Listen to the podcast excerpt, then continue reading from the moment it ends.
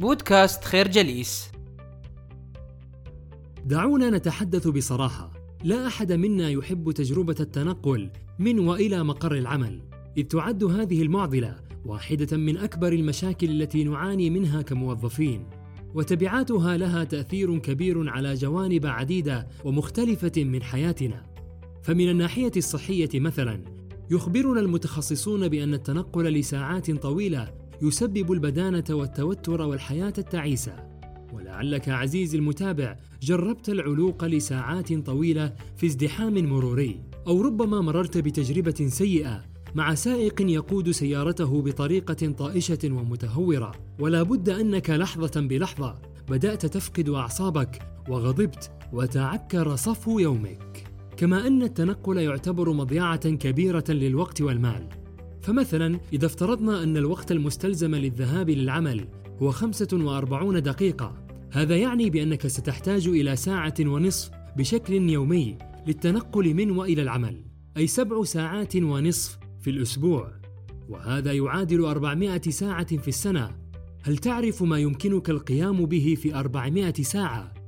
يخبرنا مؤلف الكتاب بأن 400 ساعة كانت المدة الزمنية التي احتاجها المبرمجون لإنتاج تطبيق بيز كامب والذي يعد أكثر برامجهم شهرة واستخداما. ومن الناحية الاقتصادية قامت شركة اي بي ام بتطبيق استراتيجية للعمل عن بعد. تمكنت من خلالها تقليل مساحة مكاتبهم بحوالي 78 مليون قدم مربع. وبالتالي تمكنت من بيع جزء كبير منه بحوالي 1.9 مليار دولار. وتأجير الباقي بدخل سنوي يعادل مليار دولار.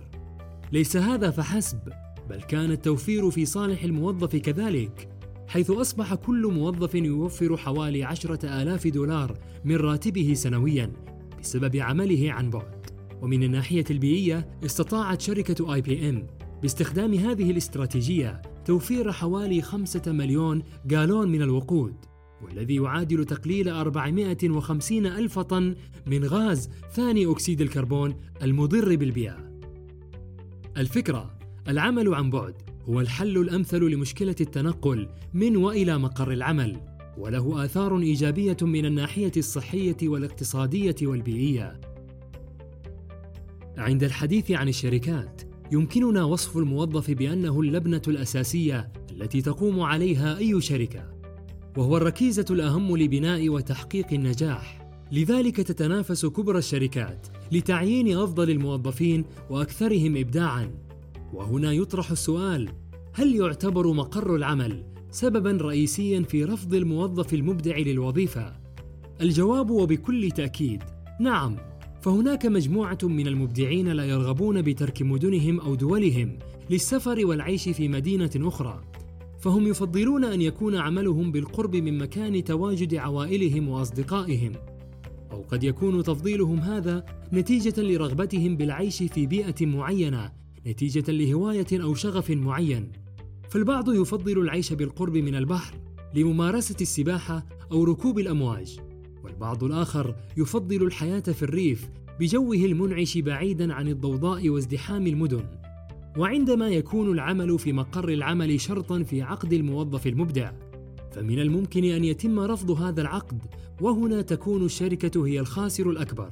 وهنا تجب الإشارة إلى شركة حاسوب كمثال لشركة عربية تقنية رائدة تعمل عن بعد بشكل كامل مع قرابة الثمانين موظف تدير شركة حاسوب أكبر منصتين للعمل الحر عربيا وهما موقع خمسات ومنصة مستقل. كذلك يساعد موقع بعيد الشركات على توظيف أفضل الكفاءات والمهارات التقنية عن بعد. كما يساعد الباحثين عن فرص عمل عن بعد بدون التقييد بمكان معين. الفكرة يوفر العمل عن بعد فرصة مهمة لجذب الموظفين المبدعين. قد يسأل أحدهم إذا كان العمل عن بعد له كل هذه الجوانب الإيجابية فلماذا لم تقم كبرى الشركات بتطبيقه إلا في الآونة الأخيرة؟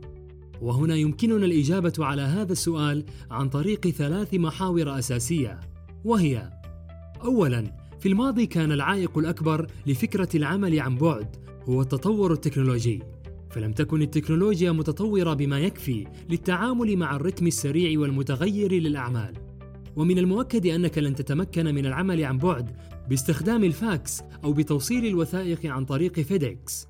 ولكن ما إن ظهر الإنترنت وتطورت التكنولوجيا أصبحت هذه الفكرة سهلة المنال. إذ تستطيع الآن أن تشارك وتعرض لزميلك في العمل شاشة حاسبك الآلي بكل سهولة عن طريق Webex أو Zoom.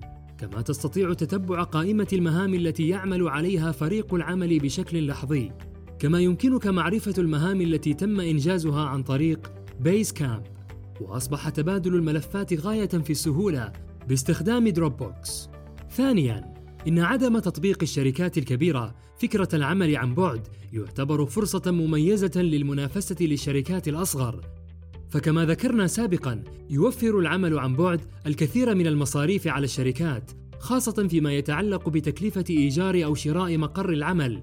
وسكن الموظفين وتكاليف المواصلات وبالتالي تزيد فرصة نجاح هذه الشركات الصغيرة وقدرتها على المنافسة.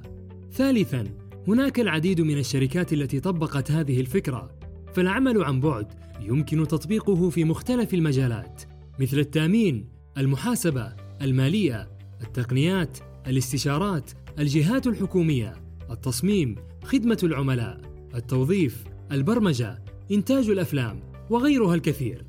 دعونا نضرب بعض الأمثلة.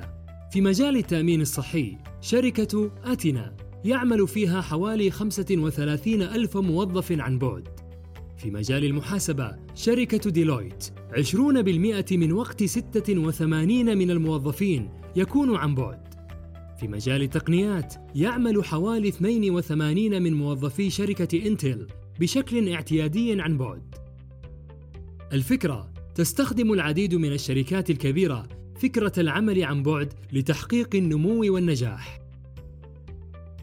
إضافة إلى كل ما تم عرضه عن إيجابيات العمل عن بعد.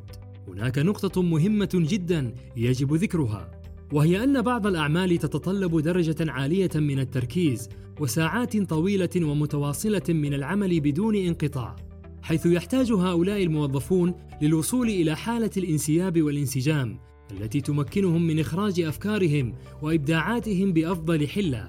ولكن هذا الأمر لا يمكن تحقيقه داخل مقر العمل. هل تستطيع أن تتذكر متى استطعت أن تعمل على مشروع معين لمدة ثلاث ساعات متواصلة بدون أن يقاطعك المدير أو أحد زملائك أو أن يتم دعوتك لاجتماع ما؟ وفي المقابل يوفر العمل عن بعد البيئة التي يحتاجها هؤلاء المبدعون. وذلك لأن كل هذه المشتتات غير موجودة. والجدير بالذكر كذلك أن العمل عن بعد أصبح الحل الأمثل في حالات الأزمات والطوارئ وهو ما مكن الاقتصادات من الاستقرار والنمو رغم كل التحديات التي تواجه العالم. فمثلا عندما حلت جائحة كورونا استطاع أصحاب الأعمال الاستمرار في نشاطاتهم عن طريق العمل عن بعد واستطاع الطلاب استكمال دراستهم عن طريق الدراسة عن بعد فكانت هذه الأداة هي التي أنقذت البشرية من تبعات هذه الجائحة. وكذلك عندما يعمل الموظف عن بعد تكون معايير تقييم أدائه واضحة وبينة فهي تقوم بشكل أساسي على الناتج والمخرجات وليس على أمور غير مهمة مثل الحضور والانصراف أو عدد فترات الراحة التي أخذها الموظف. وبالتالي يتم تقييمه بشكل موضوعي وعادل. الفكرة يستطيع الموظف الوصول إلى حالة الانسياب والانسجام عن طريق العمل عن بعد والعمل عن بعد هو الحل الأمثل لحالات الأزمات والطوارئ. نشكركم على حسن استماعكم. تابعونا على مواقع التواصل الاجتماعي لخير جليس، كما يسرنا الاستماع لآرائكم واقتراحاتكم، ونسعد باشتراككم في البودكاست.